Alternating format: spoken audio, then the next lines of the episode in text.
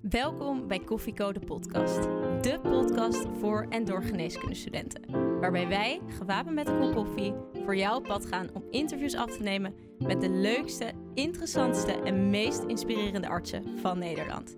Dit is Koffieko. Hey Ko, ja wat doe je daar? Er staat een carrière voor je klaar. Maar je weet nog niet wat en waar. Een cappuccino maakt het minder zwaar. Dus zet je volumeknop omhoog. Want je luistert Koffie Co en je weet het zo. Papa, papa, para, para, para. Leuk dat je weer luistert naar een nieuwe aflevering van Koffieko de podcast. Wij zijn Benjamin. en Nina en vandaag gaan we in gesprek met dokter Tom van Riet, kaakchirurg in het Amsterdam UMC. Dokter Van Riet, van harte welkom bij ons achter de microfoon. Leuk dat je bij ons eh, aansluit na een eh, lange werkdag. Nou hoorde ik van iemand dat jij in eerste instantie wel wat aanmoediging nodig had van een eh, familielid. Kan je dat toelichten? Ik kreeg de uitnodiging en ik was natuurlijk zeer vereerd dat ik langs mocht komen bij de Koffieco. Ehm, ik heb meerdere podcasts geluisterd. Heel eerlijk had ik er daarvoor nog niet heel erg veel geluisterd. Ehm, ik heb besproken met de familie, eh, eh, eh, met vrienden, van ja, weet je, het is toch best wel een podium, moet je dit doen? En het was met name mijn moeder, huisarts, die zei, ja, ja, dat moet je doen. Die kende het. Die zei, het zijn onwijs leuke mensen, leuke verhalen, je moet er gewoon naartoe. Wij zijn je moeder in ieder geval heel erg dankbaar voor dat extra zetje in de rug. Ehm, ik stelde je zojuist voor als kaakchirurg, maar officieel ben je natuurlijk een mond-, kaak- en aangezichtschirurg. Wat vind je van de term kaakchirurg? Ik denk dat de term kaakchirurg de eh, lading van ons vakgebied onvoldoende dekt. Dus eh, we zijn vrij recent overgegaan van kaakchirurgie naar MKA-chirurgie. Dat heeft te maken te, eh, met name te maken met de ja, type zorg wat we doen. het is niet meer alleen maar tanden, kiezen, kaken. Maar het behelst eigenlijk veel meer. Dus het is ook ja, de traumatologische zorg van het gehele aangezichtsskelet. Dus tot en met de oogkassen, de sinus frontalis, Ehm, eh, en eh, het hoort ook eh, zeker een stukje wekendelen bij. Dus eh, vandaar dat ik eigenlijk wel heel erg blij ben met de term MKA-chirurgie. Voordat we het daarover gaan hebben, willen we wat meer weten van de persoon eh, achter de witte jas. En daarvoor hebben wij het doktersdilemma. En daar wilden wij graag mee beginnen. Het doktersdilemma. Het leven bestaat soms uit lastige keuzes. Denk niet te lang na en geef snel antwoord. Zelf koken of uit eten? Zelf koken.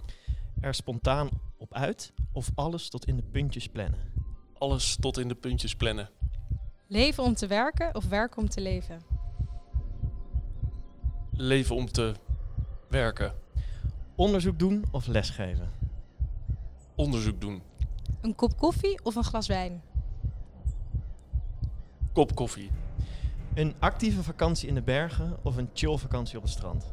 Actieve vakantie. Kijk, dat Nou. waren ze alweer. Je bracht het er goed vanaf. Je zei zelf koken in plaats van uit eten. Kan je een beetje koken?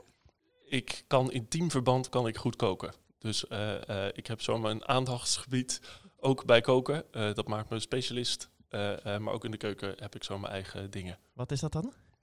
Dat zijn eigenlijk eh, alle nerde dingen die met koken te maken hebben. Eh, eh, de juiste temperatuur van de groenten. Eh eh, eh, eh, ja, de technische dingen aan koken. eh, dat vind ik leuk om te doen. Je twijfelde even, maar je zei werken om te leven. Kan je dat uitleggen? Ja, ik vind het heel erg moeilijk. want ja, niemand leeft denk ik om te werken. Maar als je van je werk wel echt je hobby hebt gemaakt en andersom. ja, dan past het zo goed in je leven dat ja, ik zie het eigenlijk nauwelijks als werk. Gaat Dus, hand in ehm, hand. Het is meer bijna een soort ja, van je werk je hobby maken. En dat hoort toch wel een beetje bij het leven. Kijk, ik denk dat iedereen dat later eh, zo zou willen zien. Ehm, nou ben jij natuurlijk MKA-chirurg. Ik denk dat niet alle luisteraars nou een idee hebben wat jij precies doet. Zou je ons eens willen meenemen in wat je bijvoorbeeld vandaag hebt gedaan? Jazeker. Eh de kaakchirurg heeft een heel breed palet aan werkzaamheden. Ik denk dat het beste samen te vatten zou zijn door te zeggen dat je vooral heel veel met je handen bezig bent. Vandaag was misschien niet de allerleukste dag, omdat eh, eh, er heel veel onderzoek in zat. Eh, maar ja, als ik het verplaats naar gisteren, dan hadden we een klinische OK-dag. en die bestond uit een operatie bij een meisje van 17 jaar oud, met een schizus, dus een kaak, lip, gehemelte in de voorgeschiedenis. Daarbij was de onderkaak eigenlijk voor de bovenkaak uitgegroeid, omdat de bovenkaak te weinig gegroeid was. En hebben we een operatie uitgevoerd om de bovenkaak weer op zijn plek te zetten in het gezicht. Ehm, en daarna hebben we een tweetal trauma's behandeld. en dat is dan wel echt een hele klinische OK-dag, maar wel een hele leuke dag. En je hoort al, een dag later zit je gewoon achter je computer, vooral bezig met onderzoek en wetenschap. Hoe is de verdeling een beetje? Hoeveel dagen sta je op elkaar? Hoeveel dagen doe je onderzoek? Ja, dat wisselt een beetje aan wie het vraagt. Dus voor een academicus ziet de werkweek er echt anders uit dan een perifeer werkend. Ik werk zelf, omdat ik het vooral ook gewoon heel erg leuk vind, nog één dag in de twee weken gemiddeld in de perifere praktijk. Ja, daar is het denk ik gebruikelijk dat je toch de hele dag op de poli OK bezig bent met je handen. Ik, ik weet niet zeker of we echt de enige specialisten zijn die iedere dag, de hele dag door alleen maar snijdend bezig is. Maar ik denk wel dat we een van de weinige specialisten zijn. Eh, dus ja, op de polykliniek is vooral behandelen. Dat betekent verstandskies verwijderen, implantaten plaatsen, maar ook een heel scala aan andere mondpathologie behandelen. En als je het aan de academicus vraagt, ja, daar is veel meer tijd voor onderwijs, onderzoek. En ja, ik denk dat alles een beetje zo door de week verdeeld is. Dus er is eigenlijk geen dag hetzelfde. en soms staat er één of twee dagen ook aan de week. Soms één of twee dagen poli. Ja, soms heb je echt meer tijd voor onderzoek en onderwijs, maar het is gewoon vooral heel erg gevarieerd. Want hoe werkt dat precies? Want je moet wel je eigen patiënten op de poli eerst zien, of draaien jullie bijna geen poli? Hoe, hoe, hoe werf je die patiënten die je gaat opereren? Een deel van de patiënten komt uh, in de avond en nacht bij ons langs uh, via de spoedeisende hulp. Dus die presenteren zichzelf. En anderzijds, ja, wij werken heel veel samen met tandartsen, orthodontisten als verwijzers, maar ook de huisarts weten ons eigenlijk steeds beter te vinden. dus ja, dat betekent een halve tot één dag poli in de week, maar dat hangt heel erg veel af van wat voor soort specialisme je binnen de MK-chirurgie bent gaan doen. Dat is echt anders voor een oncologisch hoofd-halschirurg vanuit de MK-chirurgie of een, iemand die, zoals ik, op meer met de goede ontwikkelingsstoornissen bezig is. Wat is jouw aandachtsgebied binnen de kaakchirurgie? Dat is dus de groei- en ontwikkelingsstoornissen. Dus ja, ik hou me eigenlijk alleen maar bezig met het behandelen van skeletale afwijkingen. Het is vooral botchirurgie. voor de luisteraar denk ik het meest sprekende voorbeeld zou zijn de traditionele centenbak. Iemand bij wie de onderkaak ver voor de bovenkaak staat. ja, onze verwijzer daarvoor is een orthodontist. Dat zijn experts op het gebied van groei en ontwikkeling. Zij kunnen heel veel doen met tanden en tandstand. Als mensen een functioneel probleem hebben, dus de tanden komen niet goed op elkaar, dan kunnen ze dat met een beugel vaak verhelpen. Maar ik leg altijd aan de patiënten uit, de tanden staan eigenlijk in een soort van knakworstje bot. De orthodontist is zeker in staat om de tanden te verplaatsen binnen die knakworst. Misschien kunnen ze een klein beetje iets doen aan de vorm daarvan. Maar uh, ja, als je ze te ver, als de afwijking te groot wordt en je wil de tanden te ver verplaatsen, dan heb je toch echt een chirurg nodig om de kaak op de goede plek te zetten. En wat maakt jouw vak nou zo leuk? Ja, wat ik heel erg leuk vind aan mijn vak is uh, uh, de termijn dat je patiënten ziet, de populatie dat je ze ziet. Het zijn vaak jongvolwassenen. kinderen die in de groei zitten zijn lastiger te behandelen met osteotomieën omdat ze ja, nog groeien. Dus het resultaat daarna wordt buitengewoon onvoorspelbaar. terwijl ze uitgegroeid zijn, dan, ja, dan zijn ze zo begin twintig. dat is eigenlijk het ideale moment waarop wij onze patiënten zien. Het is een uitgebreid traject. Er zit vaak een orthodontische voorbehandeling aan van minimaal een jaar of twee.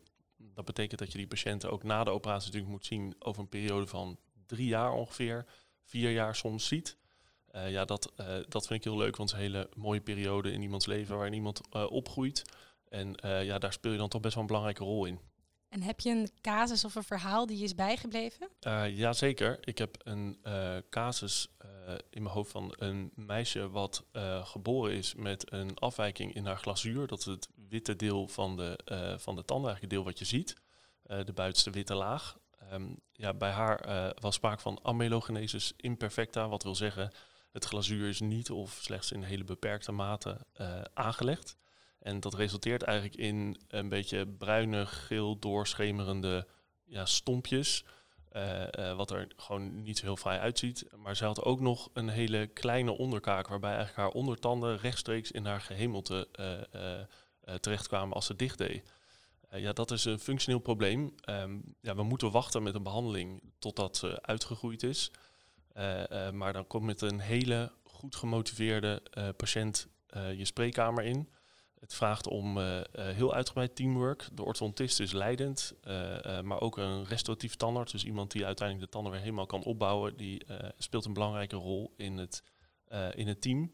En ja, je maakt een plan van een jaar of anderhalf met een beugeltandarts om te zorgen, dus met de orthodontist dat het echt helemaal mooi staat voor een operatie. Vervolgens ga je de operatie uitvoeren waarbij je de kaak op de plek zet waar de tandarts eigenlijk het beste mee uit kan komen.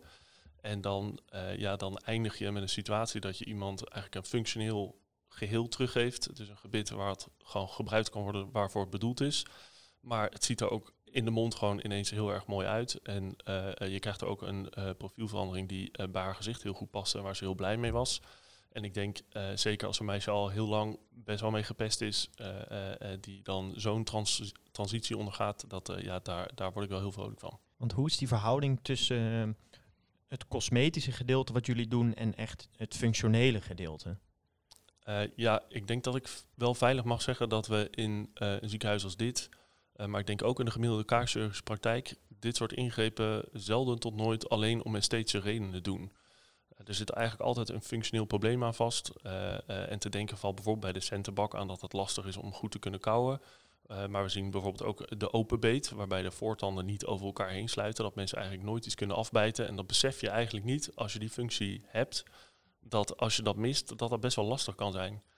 Uh, dus ja, er zit eigenlijk vrijwel altijd een functioneel probleem aan vast. Uh, maar in de oplossing hebben we wel de vrijheid om een zo harmonieus mogelijk resultaat te creëren ik zeg bewust geen esthetisch, maar harmonieus. Uh, uh, het ligt ook vaak gevoelig bij de patiënt. En wat mensen mooi vinden is ook heel erg subjectief. Dus mijn mentor heeft altijd gezegd, ja, soms laat je een plaatje zien van iemand en dan zegt iemand, oh mooi, dat is een kin. Net als tante Anja heeft. En tante Anja vind ik super leuk. Dus zo'n kin wil ik ook. En bij een andere patiënt kan het 180 graden de andere kant op zijn. Die associëren dat misschien wel met iemand die ze niet leuk vinden. En die hebben daardoor echt een aversie om zoiets te doen. Dus ja, het is vooral heel goed luisteren naar de patiënt om echt een behandelplan op maat te maken. Je werkt in het Amsterdam UMC, wat natuurlijk ook een groot traumacentrum is. Welke casus mogen ze jou nou s'nachts voor wakker bellen? Oeh, um, ja, de kaakzorg s'nachts wakker bellen. Daar bel je, breng je wel iets op. Uh, uh, nee, ja, we zijn uh, in dit ziekenhuis denk ik wel bekend als specialisten die er altijd zijn als er iets is. Uh, we zijn laagdrempelig uh, benaderbaar. Uh, we behandelen eigenlijk al het aangezichtsletsel. Dat is iets wat niet iedereen weet, maar daar hoort eigenlijk het hele gezicht bij. dus we worden met regelmaat wel gebeld. En je mag mij eigenlijk, eigenlijk altijd bellen voor een, voor een trauma. Uh, mits we dan ook in de nacht uh, iets moeten doen. Want als het de volgende ochtend kan, nou goed. Word je dan, neem je dan zagrijnig de telefoon op als, uh, als er niet geopereerd moet worden? Nou, ik, ik, ik moet heel eerlijk zeggen, ik vind het al best wel lastig om in de, in de nacht meteen ad rem wakker te zijn. ik heb één keer de situatie meegemaakt dat ik kennelijk in een Engelse droom zat waar ik Engels sprak. En kennelijk nam ik op met een soort van Harrow, this is Tom Van Reed, de oral maxillofacial surgeon. uh, uh, en dat het uiteindelijk uh, mijn vrouw was die zei, Tom, je, je moet even normaal doen. dus ja, ik Niet vind op je scherpst. Maar kom je wel in huis als je geboord gebeld? Of kan je het vaak via de telefoon afhandelen? Um, ja, ik denk dat een heleboel dingen die we tegenkomen in de nacht... ja, vaak toch pas de volgende dag worden geopereerd. dus dan geven we vaak telefonisch advies ja, in een academisch ziekenhuis heb je wel ook de luxe natuurlijk dat er uh, altijd kaakzorgen in opleiding uh, ook nog zijn die vaak uh, een deel alweer wegvangen. We hebben het nu veel over de academie gehad. En je noemde ook al dat je um, wat werk perifeer deed. Hoe verschilt het werk in de academie en in de periferie bij de MKH-chirurgie? Ja, in de periferie doe ik eigenlijk het werk wat mensen verwachten dat je doet als uh, kaakchirurg. Um, uh, dus ja, vooral heel veel uh, chirurgische verwijderingen van tanden en kiezen. Dus het begint echt om acht uur met de eerste verdoving en de eerste snee. En dat eindigt aan het eind van de dag. En daar kan een heleboel verschillende soorten chirurgische behandelingen kunnen daarin zitten. En tussendoor zie je mensen met pijnklachten, kaakgewrichten, kakenvisklachten, mensen met plekjes of dingetjes waarvan ze willen weten wat het is. En ook daar horen vaak kleine chirurgische behandelingen bij. dus ja, dat is echt perifeer, gewoon de hele dag bezig zijn. En in de academie ja, heb je je specialisatie. Dat betekent dat de polies vooral ja, voor mij in ieder geval uit consulten bestaan. Mensen goed informeren, indiceren, diagnosticeren, plannen maken. En ehm, eh, een deel ja, kliniek. Uh, maar in de uh, academie is gelukkig ook in ieder geval in dit ziekenhuis echt tijd om te kijken naar onderzoek. Hoe kunnen we het beter maken en voor onderwijs. En wat heeft dan uiteindelijk je voorkeur? De academie of de periferie? Ja, ik, ik, ik zou hier denk ik niet gewerkt hebben als ik niet de voorkeur had voor de academie. Maar ja, ik vind de, de, de balans voor mij persoonlijk wel belangrijk. Dus ik, ja, ik denk vijf dagen in de week academie. Voor mij uh, zou dat uh, te veel dagelijkse praktijk van de MK-chirurgie missen. ik vind namelijk echt heel erg leuk. Het is, het is niet te onderschatten hoe lastig het soms kan zijn om netjes en patiëntvriendelijk en vlot een verstandskies op een nette manier te verwijderen. Soms Daar zitten ze hadden we het net over, ja. ja. Benjamin heeft een trauma. ja. Ja, ja. Wij zeggen altijd, uh, soms uh, moet je weer een beetje ontzag krijgen voor de verstandskies. Want ook uh, als je heel lang hebt gestudeerd en vijf jaar MK-chirurg bent, dan nog kan het soms heel erg tegenvallen. Wat zijn de verschillende subspecialiteiten binnen de kaakchirurgie? Nou, dat wisselt een heel klein beetje per ziekenhuis in het Amsterdam UMC uh, hebben wij uh, ja, ook wat minder conventionele subspecialisaties, zoals de genderchirurgie. Um, de hoofd-halschirurgie is iets wat je specialiseert na de ofwel een opleiding tot KNO-arts of tot MK-chirurg. Uh, dat vraagt om twee jaar extra opleiding. We hebben bij ons de groeiende ontwikkelingsstoornissen, maar ook op locatie VUMC vooral de orale pathologie um, is een belangrijk onderdeel. Implantologie, en zeker niet te vergeten de traumachirurgie, omdat dat toch wel echt een, uh, een groot deel van ons werk is. Is er ook iets wat je minder leuk vindt aan je vak? Ja, um, ik vind, uh, uh, ik heb persoonlijk weinig affiniteit met de um. Het kan zijn omdat ik er gewoon niet goed genoeg in opgeleid ben, maar ik vind het soms heel lastig. Ik heb ja, deels voor dit vak gekozen omdat de meeste problemen waarmee je geconfronteerd wordt, je ook op een hele goede manier uh, kan aanpakken. Vaak is het gewoon goed op te lossen uh, waar mensen mee komen. En daarom vind ik het werk ook zo leuk. Uh, alleen, ja, sommige klachten zijn ja, toch of niet makkelijk op te lossen of niet met een mes. en ja, mensen komen toch bij de kaarzorg en verwachten van, ja, kun je iets doen? haal er een stukje uit, stop er iets in, geef me een prik. Uh, maar ja, sommige klachten uh, vragen uh, ja, een lang traject van counseling, begeleiding, fysiotherapie. En ja, dat is, laat ik het zo zeggen, niet waar mijn specialiteit ligt. De MKA-chirurgie is nog niet zo heel oud volgens mij, een niet oud specialisme. Um, hoe, hoe zie je de ontwikkeling voor je? Waar, waar gaat het naartoe? De MK-chirurgie is nog niet zo oud. Ik denk dat de kaakchirurgen, uh, zeg maar, als je teruggaat naar uh, de echte geschiedenis, dat het trekken van tanden en kiezen in ieder geval wel al heel lang geleden in de boeken is beschreven. Um, maar ja, het vak MK-chirurgie zoals zich nu ontwikkelt, zie je eigenlijk dat de kaakchirurg steeds breder en ja, specialistischer wordt opgeleid in meer dingen dan alleen maar tanden, kaken, maar ook een deel daarbuiten. Uh, en je ziet dat naargelang we mensen steeds breder opleiden, dat ook het vak van de MK-chirurgie aan het veranderen is. We krijgen steeds meer verwijzingen, uh, ook van huisartsen, voor bijvoorbeeld speekselklierpathologie. Um, uh, maar ja, ons centrum specialiseert in orbitachirurgie.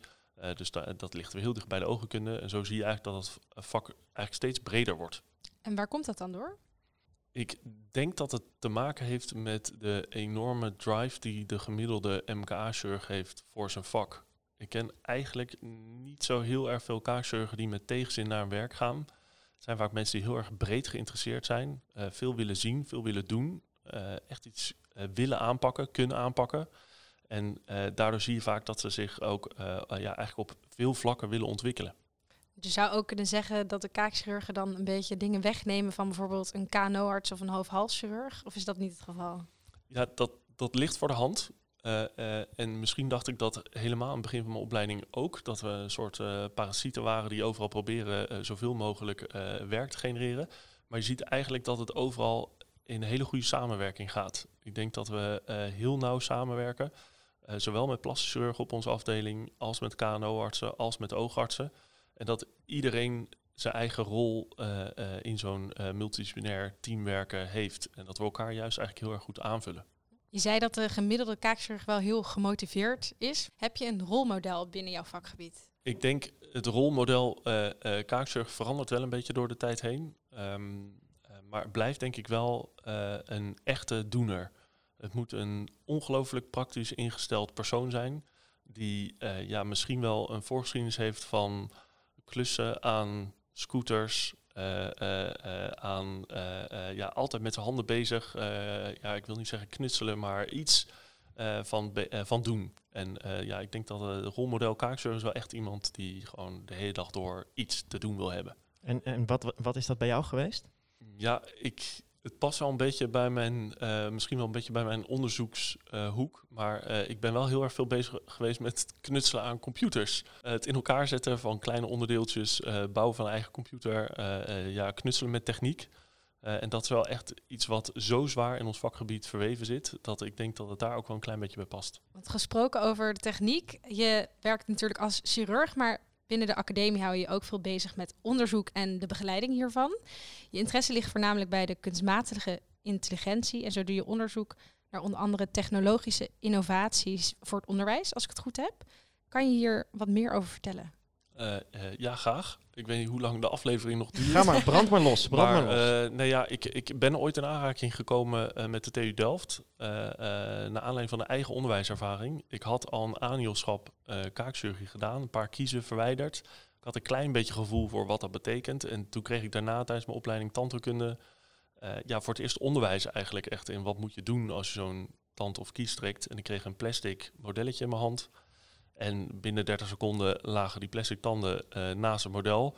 En toen eh, ja, eh, was het een beetje van, ja, dit is het onderwijs. Nu heb je het En- geleerd. Exact. En dat was in de tijd dat het allemaal net wat virtueler werd. Dus ik dacht, ik ga eens kijken, kunnen we daar niet iets beters voor maken? Ehm, en toen ben ik me gaan verdiepen in de, het trekken van tanden en kiezen en wat we er al over weten. En als je in de literatuur kijkt, hebben we een mooie review naar gedaan, dan zie je eigenlijk dat we echt bizar weinig weten over hoe je eigenlijk succesvol een tand kan trekken. Er zijn echt eh, een handjevol artikelen die hebben geprobeerd op de meest bizarre manieren om eh, eh, erachter te komen hoe je een tand eigenlijk zo efficiënt mogelijk kan trekken. Heb je een voorbeeld van een bizarre manier? Het zijn hele bijzondere installaties, vaak bij proefdieren, waarbij met, ja, met een, klein haspeltje net zo lang aan een tand wordt getrokken totdat die eh, eruit komt. Ja, dat zegt niks over hoe het bij mensen gaat. En het is ook niet hoe we normaal tanden en kiezen trekken. Dus ja, dat betekent eigenlijk niet zo heel erg veel. De onderzoekers spreken elkaar ook heel erg tegen. Ehm, ja, en om er meer over te weten te komen, ben ik uiteindelijk eh, in aangekomen met de afdeling eh, cognitieve robotica op de eh, TU Delft. ehm, eh, bij Jens Kober, mijn promotor. Het is een afdeling waarbij ze niet zozeer algoritmes gebruiken, maar meer echt algoritmes ontwikkelen. Om te kijken hoe ze robots kunnen laten leren om iets te doen, zonder dat ze er specifiek voor geprogrammeerd worden. Eh, dus echte zelflerende robotsystemen. En eh, samen met hem heb ik een opstelling gebouwd eh, met een robotarm. Waarbij we eh, de robot hebben ingezet echt als meetinstrument. Om te kijken van, ja, weet je, eh, als je nou heel erg in detail kijkt, kun je dan zien eh, niet alleen hoeveel kracht we zetten, maar ook welke richting die kracht heeft. Met eigenlijk als enige doel om te kijken hoe je die data dan weer kan gebruiken om een onderwijsmodule te maken die daadwerkelijk zinvol is. En dat kan eigenlijk alleen als je een goede benchmark hebt. En hoe moet ik dat dan voor me zien? Want het is een robotarm en trek jij dan die kies en die robot doet daarin mee? Ja, de robot doet ja, feitelijk niet zoveel. Eh, hij is gecompenseerd voor de zwaartekracht. Eh, en hij beweegt passief mee met de hand van de kaakchirurg. Eh, maar je hebt hem nodig. Hadden een opstelling dus met een robotarm en een ja, vers gevroren kadaverpreparaten. Die op een krachtsensor vast zaten. En de robot die helpt dan om te bepalen wat de positie is van die tanden en kiezen ten opzichte van de krachtsensor. Zodat je heel precies kan zien waar die krachten op worden uitgeoefend en welke richting ze hebben. En is er wat uitgekomen al? Is er een conclusie eh, getrokken uit het onderzoek? Ja, dus we hebben eh, eh, eigenlijk wel een mooie database kunnen bouwen van een serie van nou ja, slechts 100 kiezen, maar er moet een begin zijn. Eh, en dat geeft eigenlijk uh, ja, opvallend nauwkeurig weer hoeveel kracht je eigenlijk nodig hebt om zo'n kies te trekken. Um, uh, we hebben de opstelling omgebouwd tot een echte onderwijsopstelling. En dat vindt in dit gebouw plaats. Het is echt in het onderwijs ingebed. Dus de eerste jaar masterstudenten tandheelkunde van ACTA komen allemaal bij ons langs om onder directe supervisie eigenlijk te leren hoe je zo'n tand of een kies trekt. Uh, uh, en uh, ja, dat is echt nodig. Dus niet alleen om kosten te besparen, maar natuurlijk ook gewoon om de patiëntenzorg te verbeteren. En ik denk dat het er heel veel veranderd is in de tandheelkunde de afgelopen jaren. De preventieve tandheelkunde heeft zo groot effect op, ook op het onderwijs van de tandartsen zelf. Er worden gewoon minder tanden en kiezen getrokken in de onderwijspraktijk. Ze krijgen minder exposure. En dan merk je ook dat studenten na een opleiding minder zelf gaan doen. En dat, dat tijd proberen we echt te keren het onderzoek heeft echt geleid tot een implementatie hier in het, uh, in het onderwijs. Ja, ja, we hebben een vragenlijst gemaakt, uh, helemaal uh, psychologisch gevalideerd. voor iedereen die zelf overweegt om een vragenlijst te gaan valideren, doe het niet. het is ongelooflijk veel werk en duurt heel erg lang.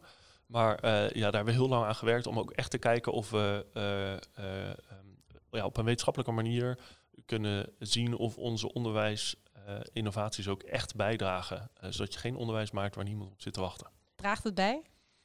Nou, zoals ik al zei, het ontwikkelen van de vragenlijst duurt zo lang. Uh, we gebruiken hem al wel, maar ja, het moet nog opgeschreven worden. En de eerste resultaten zijn wel heel veelbelovend, alleen heel moeilijk te plaatsen als er geen context is. Dus ja, ja er is nog wel echt genoeg onderzoek te doen de komende jaren. Ja, want wat voor een onderzoek zou je in de toekomst willen doen? Wil je dit door blijven doen of zou je nog een ander traject in willen slaan qua onderzoek binnen de MKA-chirurgie? Nou, ik merk heel erg dat het opzoeken van een grens van je eigen vak uh, en misschien wel een klein beetje eroverheen stappen, uh, zoals op een andere afdeling werken. En ik probeer er echt fysiek aanwezig te zijn. Uh, op de afdeling robotica, dat het heel erg inspirerend werkt. En ja, daar komen eigenlijk zoveel projecten uit voort. Uh, uh, zoveel nieuwe ideeën om uh, ja, met, met robottechnologie op een goede manier ons te kunnen ondersteunen. zonder dat het doembeeld opkomt bij de luisteraar dat we de kaakzorg zometeen helemaal niet meer nodig hebben of de dokters niet meer. maar ter ondersteuning en ter verbetering. Is de kaakchirurgie een van de koplopers wat betreft technische ontwikkelingen? Ja, ik vind het heel moeilijk om zonder borstklopperij zoiets te zeggen. Maar ik heb wel een, een donkerbruin vermoeden dat we wel meer dan gemiddeld doen met technologische innovatie. Dus een van de dingen waar je het meest aan merkt is dat we echt wel drie, vier, vijf fulltime technisch geneeskundigen op onze afdeling hebben werken. Ik denk dat er geen één operatie eh, bijna uh, uh, plaatsvindt bij ons waarbij niet of een casus in de computer helemaal driedimensionaal gepland is, dat er patiëntspecifiek geprint materiaal wordt gebruikt of een vorm van navigatie. Dus uh, ja, we zetten wel uh, heel erg in op uh, technologische ontwikkeling. Dat hoort een klein beetje bij het veld waarin je werkt. ja, werk in een gezicht vraagt om hele precieze planning en uitvoering van het plan. Heb je zelf ambitie om bijvoorbeeld professor te worden? Oeh, ik heb het zeker niet als doel. ik denk dat dat, dat dat ook niet helemaal een doel op zich moet zijn. Um, maar ik, ja, zoals het er nu uitziet, na vijf jaar, ben ik wel, heb ik wel voor mezelf geleerd dat onderzoek doen en onderwijs geven wel uh, heel erg goed bij me past. En waar dat dan uiteindelijk op uitkomt, dat, uh, ja, dat, dat zal de tijd uh, leren. De co-telefoon. Ja, de co-telefoon. Een vraag ingestuurd door een van onze luisteraars. Dit keer was het Fleur. En Fleur vroeg zich af, wat is je kijk op de MMA-vechters die kaakletsel oplopen vanwege hun sport? Ja, de, um, de uh, Weekend Warriors noemen, ze, uh, noemen wij ze. Um, uh, ja, we hebben met regelmaat patiënten die bij ons binnenkomen met een fractuur aan de ene kant. En dan zie je dat er een fractuur aan de andere kant al een keer gemaakt is. recidivisten, Um, ja, het is al een, bepaald slag mensen. Dat kan, uh, dat kan een MMA zijn, maar het kan ook uh, buiten de ring gebeuren dat mensen toch uh, wat vaker dan anderen in aanraking komen met fysiek geweld. Ja, we helpen ze eigenlijk precies als we anderen helpen. dus ja, het gezicht is een klein beetje opgebouwd uit airbags eigenlijk. Um, de, bijvoorbeeld de sinus, de neusbijholte, Uh, sinus maxillaris die fungeert echt als een airbag om klappen op te vangen in het gezicht. En de schil, de, het jukbeen, is toch wel een van de meest geziene fracturen hier. ja, dat zien we dan ook vaak. En of het een MMA is of een bokser of een, een co-assistent die terug van zijn kooschap in de tramrails terecht is gekomen met zijn fiets. Ja, we zetten alle mogelijke technieken die we hebben in om anatomie weer één op één te herstellen. En dat te doen door sneetjes die niet meer te herkennen zijn daarna. Maar en hou je er ook nog rekening mee dat zo'n MMA-vechter bijvoorbeeld nog een keer een klap kan krijgen dat je een extra sterke plaat erop zet of zo? Nou, niet echt. Uh, maar ik denk wel dat je vaak ziet dat mensen, als ze eenmaal zo'n plaat hebben gekregen, aan die kant niet meer zo heel snel fractuur oplopen. Dus uh, ja, als je maar lang genoeg doorgaat, uh, wie weet, word je ooit nog een keer een, een soort voordeel. Ja. Ja. ja. Om kaakschurg te worden moet je zowel geneeskunde als tandheelkunde hebben gestudeerd. Dus jouw studententijd was bijna twee keer zo lang als nou ja, andere artsen, om het zo te zeggen. Hoe gek moet je zijn om twee van die lange studies te doen? Ja, ik denk niet eens zo heel erg gek ja, voor mij uh, kwam de tandheelkunde als tweede opleiding. En ik had gewoon ja, vooral heel veel zin om te beginnen. Als je geneeskunde studeert, of eigenlijk je eerste studie, het begin van je studententijd is misschien toch anders als, als na een paar jaar. Als je ziet wat je er uiteindelijk mee kan of mee wil. En um, ja, zo'n tweede studie is dan ook wel heel erg leuk als je door het bril kijkt van het specialisme wat je uiteindelijk wil gaan uitoefenen. Um, het duurt lang, maar ik denk dat als je het vergelijkt met uh, andere uh, specialisaties, uh, ik noem een orthopedisch chirurg of een internist, of je, je, ziet toch dat vaak mensen ook een promotietraject nog voor hun opleiding doen. mensen zijn toch een paar jaar bezig. En bij de kaakchirurgie zie je, ja, het is een lang traject, maar vaak zijn er ook wel dingen te combineren, zoals een PhD met een tweede opleiding, of misschien wel deels tijdens je opleiding tot kaakchirurg. Want je hebt dus eerst geneeskunde gestudeerd. Hoe vond je je kooschappen? Ik vond mijn kooschappen super intens. Uh, ik vond het heel leuk, maar best wel intens. Um, uh, het was eigenlijk voor het eerst dat ik echt uh, een hele serieuze student werd. Dat was in het begin van de studententijd een heel klein beetje minder. maar tijdens mijn kooschappen ben ik er wel echt achter gekomen dat dit is wat ik wil. en daar heb ik me echt wel maximaal ingezet. En um, ik vond het intens, sommige kooschappen meer dan andere. Uh, en dan met name vond ik het uh, kooschap uh, gynaecologie altijd ja, vond ik een van de meest intense kooschappen. Ik heb echt heel veel respect voor gynaecologen, de zware diensten, maar ook ja, het werk wat ze doen. en met name ook de oncologische deel van het vak. Ja, echt groot respect en veel s'nachts, veel overdag. En ja, daar heb ik al de grootste herinnering aan. En hoe ben je in aanmerking gekomen met de kaakchirurgie? Ja, ik heb tijdens mijn kooschappen het licht gezien. Uh, ik was bij de KNO eh, een kooschap aan het lopen en uh, daar kwamen we op de afdeling kaakchirurgie. Ik twijfelde nog over iets klein chirurgisch of radiologie. En toen zag ik dat de MK-chirurgie op de afdeling eigenlijk allemaal röntgenapparatuur in eigen beheer had. eigenlijk een soort CT-scan en dat komt voort uit de tandheelkunde waarbij je ja, toch ook voor een heel klein gedeelte wordt opgeleid binnen de radiologie. En uh, toen zag ik een 3D-reconstructie van de schedel. En toen hoorde ik dat ze dat eigenlijk allemaal zelf deden. En uh, ja, dat was voor mij een puzzelstukje uh, wat ik nog niet had ontdekt. Wat mijn interesse heeft gewekt. Ik ben mee gaan kijken in mijn vakantie. Daar zag ik voor het eerst mijn huidige mentor een bovenkaak loszagen van de schedel. En toen dacht ik, holy smack, dit is wel gaaf. Um, en dan ben ik verder gaan uitdiepen. Dus ik heb een uh, keuzekooschap gelopen uh, in een ander academisch ziekenhuis. Om alle bleuheid die ik had op dit vakgebied uh, eigenlijk een beetje daar tentoon te spreiden. Ik heb een keuzekooschap gedaan in, in New York om gewoon een kaakserie van de andere kant te kijken. superleuk voor je netwerk en het staat ook goed op je cv. Zo'n stage. En daarna ben ik in het Amsterdam UMC terechtgekomen voor een oudste kooschap en eigenlijk nooit meer weggegaan. En nooit getwijfeld meer dus? Nooit getwijfeld. Want hoe is het daarna gegaan? Ja, ik heb het... Um, uh, je, je, werkt in een team. Je, je merkt al heel snel of je binnen zo'n team past. Uh, de opleidingsplekken zijn uh, schaars. Maar um, ja, je, je krijgt al wel een heel goed idee, denk ik, tijdens zo'n kooschap... Of, of, of het haalbaar zou zijn voor jou om in zo'n opleiding terecht te komen... en of je echt goed in zo'n team past en of het vak goed bij je past... Uh, dan zit er een aantal jaar tandheelkunde aan vast. En uh, dat hangt een beetje vanaf waar je dat doet, hoe lang dat duurt. Um, en ja, vaak zijn er in die tijd sollicitatierondes om te kijken of je ook daadwerkelijk in aanmerking komt voor zo'n plek. Dus je moet wel al de commitment maken door tandheelkunde te gaan studeren voordat je eigenlijk zeker bent van een opleidingsplaats?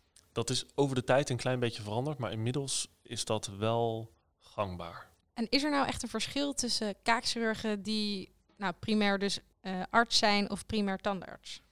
Ik denk met de huidige vorm van opleiden dat er niet heel veel verschil meer tussen zit. Ehm, de, uh, ja, de, meest, ja, de oudste generatie uh, MKA-chirurgen was nog echt alleen tandarts. Die hoefde eigenlijk geneeskunde nog niet te doen.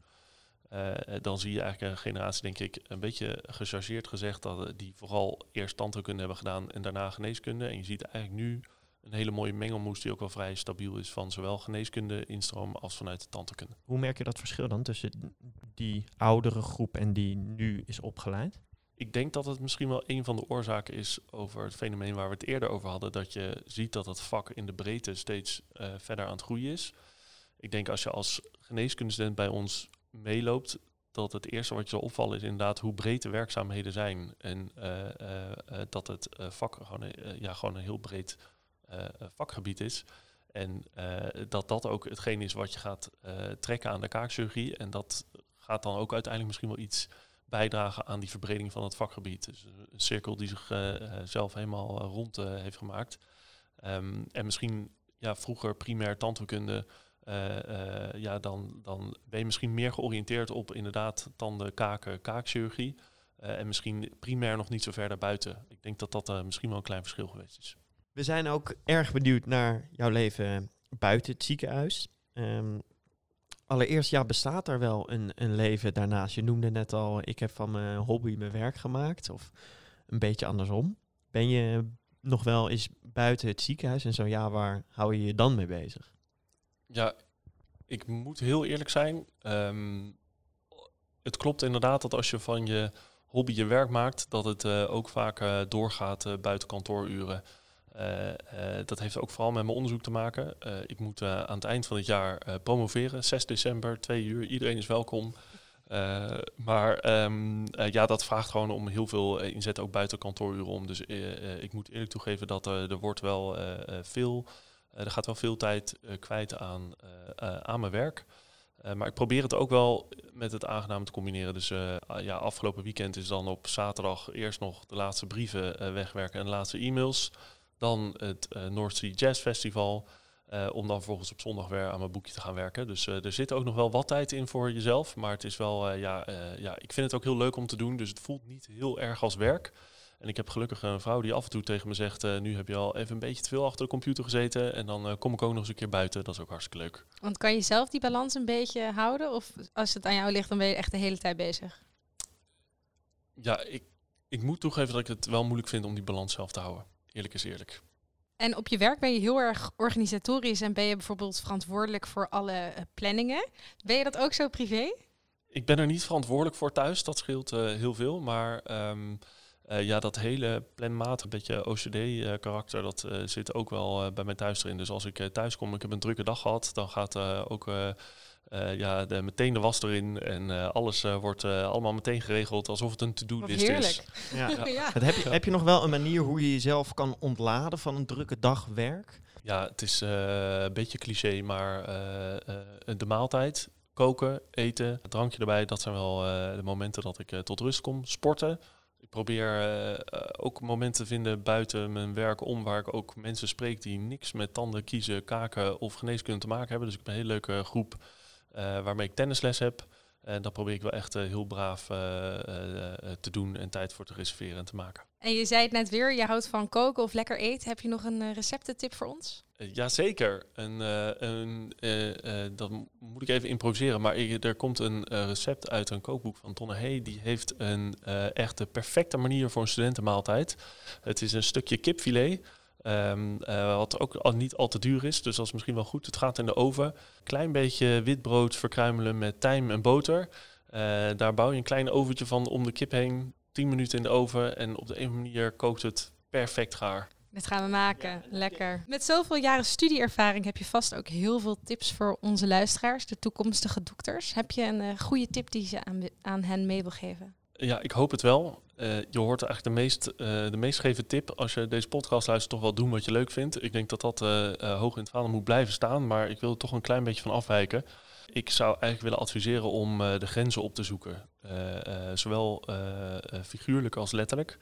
Eh, ik denk dat je als eh, student ja, misschien wel te snel vergeet dat een universiteit een kennisinstituut is wat gemaakt is om kennis te delen.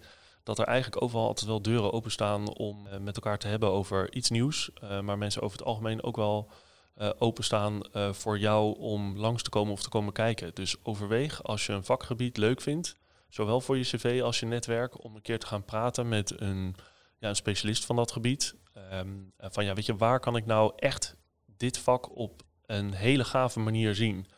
Eh, plak er een vakantie aan vast en eh, maak er een eh, leerzame en leuke tijd van. En ja, ik denk dat je daar heel veel uit kan halen. En ik denk ook voor onderzoek ga je grens te buiten. Dus ik denk dat er heel veel laaghangend fruit zit in de hoek waar je misschien niet verwacht aan de grens van je eigen vakgebied. Dus of het nou health economics is of het congres waar ik ieder jaar heen ga, engineering in medicine en biology. Eh, kijk, eh, eh, ja, kijk ergens wat je leuk vindt buiten de geneeskunde en zoek een raakvlak met je eigen vak. En kijk of je daar misschien ja, het leuke met het onderzoek kan combineren. Je zegt grenzen opzoeken, bedoel je dat dan ook buiten Nederland?